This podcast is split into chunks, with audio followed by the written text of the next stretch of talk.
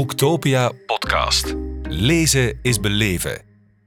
Met Sarah van Kerschaver.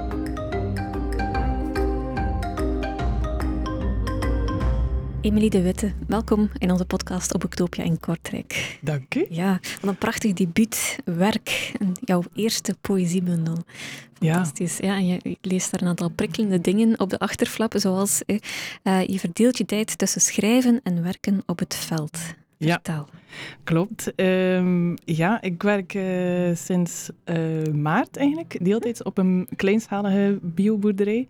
Een plukboerderij. Um, ja, sinds een paar jaar is het veld... Um, ja, heeft zo'n beetje naar mij getrokken, denk ik. Mm -hmm. uh, ik heb altijd anders zo, ja, bureaujobs gedaan en zo. En Um, daar ben ik, ik ben daar dan eigenlijk gewoon voor gegaan. Mm -hmm. Via uh, eerst werken in Nederland op bioboerderijen uh, uh, als interim. Um, en ik combineer dat ook met schrijven. Dus ik ben ook freelance copywriter en project, projectmanagement ook een beetje. Ja.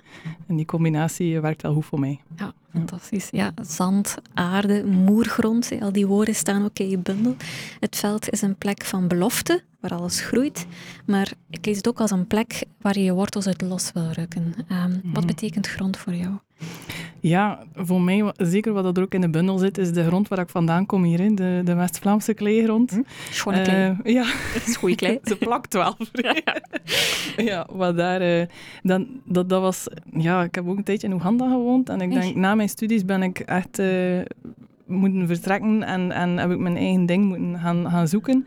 Um, en heb ik mijn wortels echt even los, losgetrokken om dan uh, ja, via omzwerving toch terug naar, naar België terug te komen.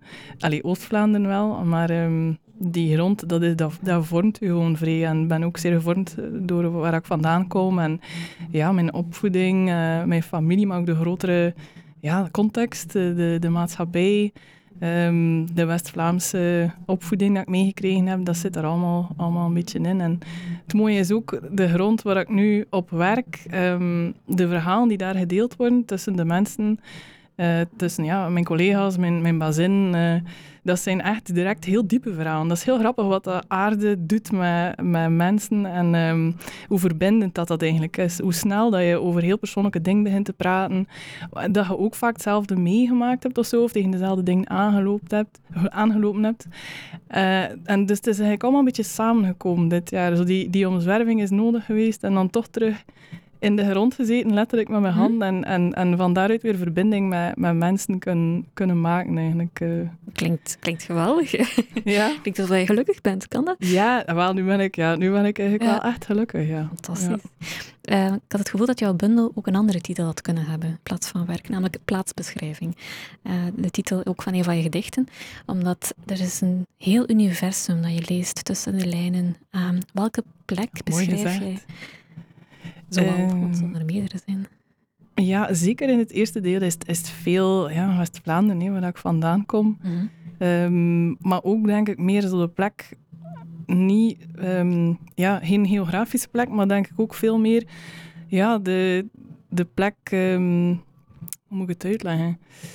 Waar je staat in je leven, waar dat de, ja, wat dat er in je hoofd zit, wat dat er in je hart zit, hoe dat je in het leven staat, dat zit er ook allemaal in, denk ik. Ehm, ja, ik denk ben ook, het is eigenlijk ook door, van, van, door zo lang niet in België te wonen en in Oeganda gewoond te hebben, in een andere cultuur, en om dan terug te komen naar deze cultuur, ehm, dat, dat ik die plek op een heel andere manier ervaren heb. En ehm, dat ik zo echt ben moeten gaan nadenken, oké, wat wil ik hierin doen? Eh, ja, ik miste ook wel een beetje de warmte van die Oegandese cultuur, van, van hoe dat mij daar zo op mijn plek voelde. Ook al kom ik eigenlijk daar niet vandaan. Dat was heel gek om dan terug zo toch wel in onze redelijk koude cultuur, afstandelijk, waar dat werk ook zo belangrijk is. En dat dat, dat eigenlijk onze filosofie is precies, alsof we alleen maar bezig zijn met werk en je ziet iemand als je werk hebt. En, ehm, en ook ja, al die burn-outs en wat, Mhm. wat dat eigenlijk eh, doet met mensen. Dus ja, Oeganda komt daar niet letterlijk in voor, maar dat is wel een superbelangrijke plek geweest voor mij.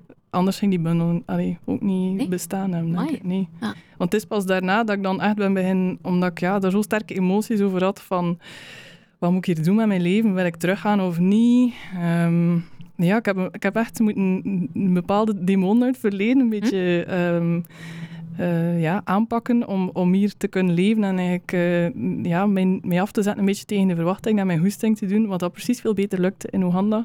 En ik heb er ook over die struggle heb ik vooral geschreven eigenlijk. Ja, ja het gaat ook over meisjes, vrouwen, over wat kan en niet kan. Ja, ja, heel hard. Dat heb ik echt heel hard gevoeld. En altijd, uh, ja, op, op, op Kot Leuven noemen ze mij ook wel Family. Ja. een mooie ja. naam, hè? Ja, wel. Hé, dus uh, best wel feminist.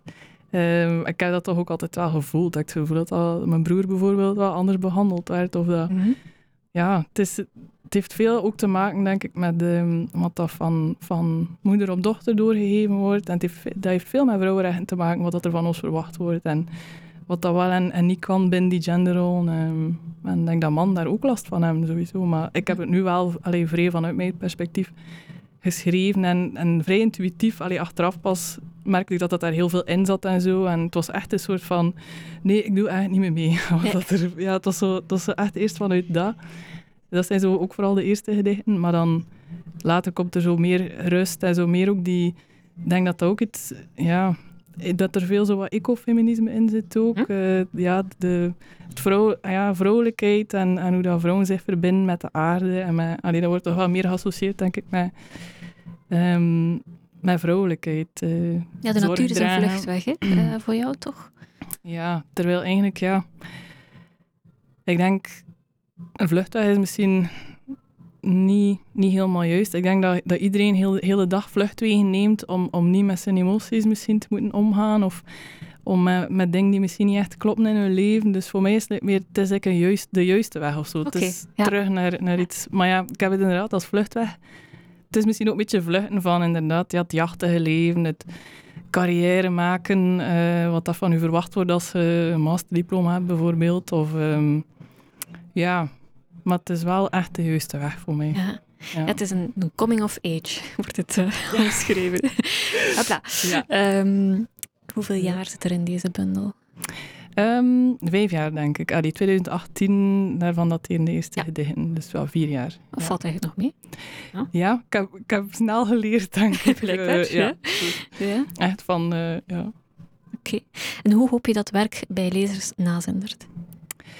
Um, ja, ik, ik hoop dat het, uh, dat het echt raakt, zoals de laatste lijn zegt. En ik heb toch ook al mooie complimenten gehad van mensen die niks met poëzie hebben, maar die wel zichzelf daarin herkennen en bepaalde uitdagingen in het leven die zij ook meemaken, daarin herkennen. En, en ja, dat het, dat het ook wel troost biedt of zo, of hoop van... ja, ik ben niet alleen of zo in, in de, de uitdaging dat ik heb. En um, ik denk dat verwachting dat heel veel mensen daar ook een beetje onder gebukt gaan of zo. En, hm. Dus ja, ik hoop gewoon een, een soort van erkenning of een, een herkenning van, um, van dingen waar mensen misschien niet altijd makkelijk over kunnen praten en alleen een beetje mee worstelen. Mm -hmm. En niet alleen vrouwen, nee, ook ja, gewoon iedereen die, die het gevoel heeft dat hij dingen moet doen die niet passen ja, mm -hmm. bij wie dat ze echt zijn of zo. En je collega's op het veld, gaan zij werk lezen? Ja, die, hebben al, die waren op de boekvoorstelling. Ah, ja, die zijn komen kijken en die hebben dan ook een gekocht. En uh, dan hebben we daar ook een glaasje op geklonken de volgende dag. Ja, ja, in de serre. Ah, in de serre? Oh, ja. geweldig. Ja. ja. Mogen, we jou, uh, mogen we jou even horen? Als jij misschien één of twee gedichten zou kunnen lezen. Is er een dat hij verkiest? Of, uh... Goeie vraag. Ik vond de plaatsbeschrijving heel mooi. Ja. Dat gaat over over Bessehem, waar ik vandaan kom. Ja. Het is een plek die in de buurt komt van de vervanging van schaamte. Met botte klanken en glottislagen bootsen we relaties na. Het is de plek van praten zonder gees, stiltes achter ruggen snijden, besparen op nuance.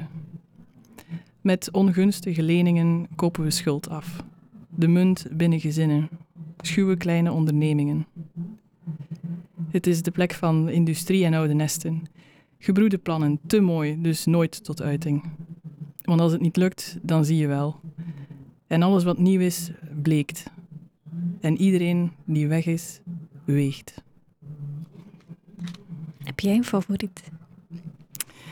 Um, het verandert zo een beetje per, uh, per dag. Maar um, ik vind lopen wel uh, nog een van de mooiste. Graag. Daar heb ik voor een, een vriendin geschreven die ja, die, die mij heel veel uh, moed gegeven heeft en, en, en die heel veel humor heeft en met heel veel humor en veel plezier in haar leven staat. En er niet te veel aantrekt van. Uh, Fantastisch. ja.